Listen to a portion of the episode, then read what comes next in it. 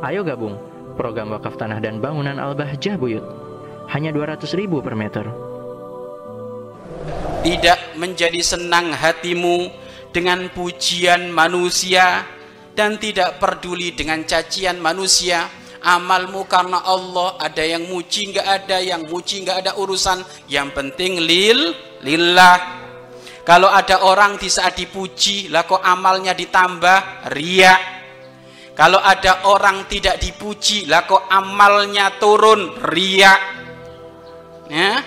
Ri ria makanya orang yang hidupnya di dalam urusan ibadah bertambah karena pujian bahwa riaun. Tapi ingat ilmu ini untuk diri diri kita.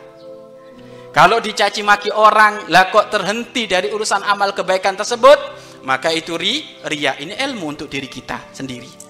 Ya contoh kamu berdakwah. Berdakwah kamu ustadz baru baru pulang dari pesantren. Kamu buka majlis majlis maulid keliling iya kan? Di saat kamu ngisi ada di satu masjid tiba-tiba ada ngomong aduh ustadz apa ini? Balak baca kitab belepotan kayak gitu keliling. Nah coba dia omongin kayak gitu kira-kira minggu depan jalan ataukah berhenti? Kalau berhenti bukan karena Allah ya kalau jalan insya Allah karena Allah karena Allah. Jadi nggak usah takut dicaci maki orang. Yang penting kamu istiqomah karena Allah karena Allah ya. Wa'lam anna riya'a yatawalladu min ta'zimil khalqi. Ketahuilah riya pamer itu terlahir dari pengagungan makhluk atau sanjungan makhluk. Bahasa yang sering disampaikan Buya riya itu menggedikan amal di mata manusia manusia. Kalau ujub gedikan amal di matanya sendiri. Nah, bahasa simpelnya kayak gitu ya. Eh, karena ria itu arti ria itu ulama berbeda pendapat. Tapi disimpelkan saja ria menggedikan amal di mata manusia. Manusia itu terserah siapa saja. Tapi bukan menggedikan amal di mata binatang enggak ada orang pamer saya pamer sama nuger. Saya pamer sama bengal enggak ada. Iya kan?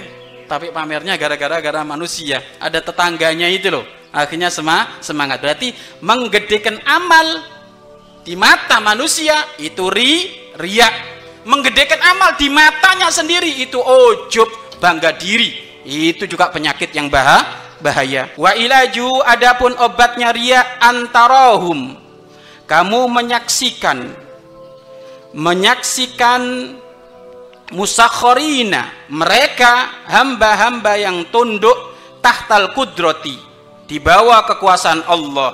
Tahsabuhum kamu hendaknya berpraduga dengan orang yang kamu riain tersebut kal jamadati mereka itu tak umpahnya tak umpamah diumpamakan bebatuan fi adami kudrati isoli rohati tidak akan mampu memberikan kemanfaatan wal masyakkoti dan malapetaka jadi gini loh kamu itu kalau biar terobati dari urusan riak kamu itu riak dengan siapa? Pamer dengan siapa? Saya pamer dengan mertuaku. Eh, mertuamu itu musakhorin.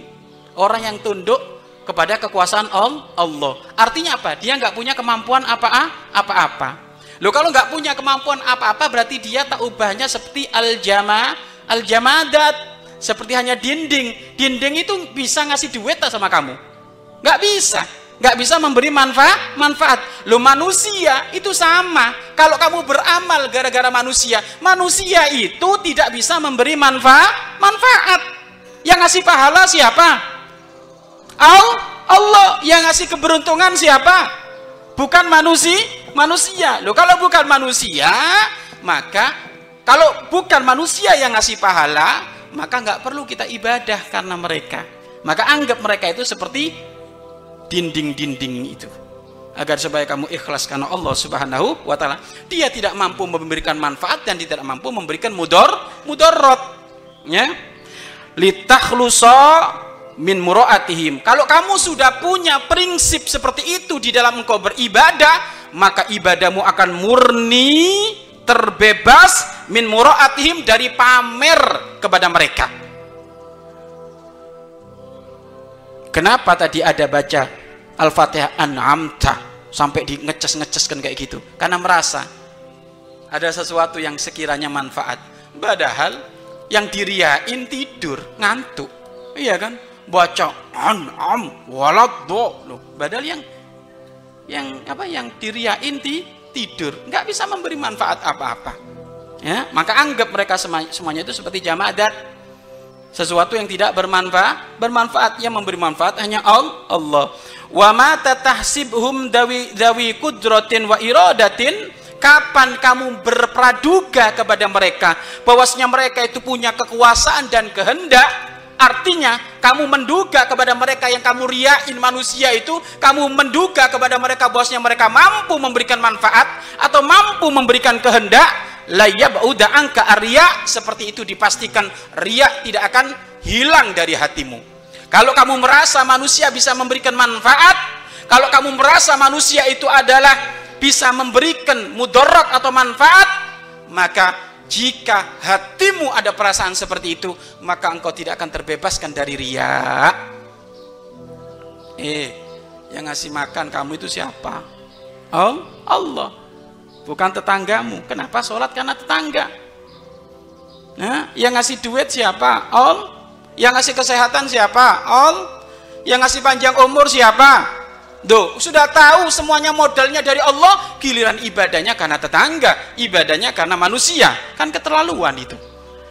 Dan tidaklah seseorang itu menganggap manusia memberikan kemanfaatan, maka kapan dia menganggap manusia memberikan kemanfaatan, maka dia tidak akan keluar dari wilayah ri ria. Mudah-mudahan Allah menjauhkan kita dari urusan ria dan membimbing kita semuanya menjadi orang yang ikhlas karena Allah Subhanahu wa taala. Mari berinfak untuk operasional lembaga pengembangan dakwah Bahjah Buyut.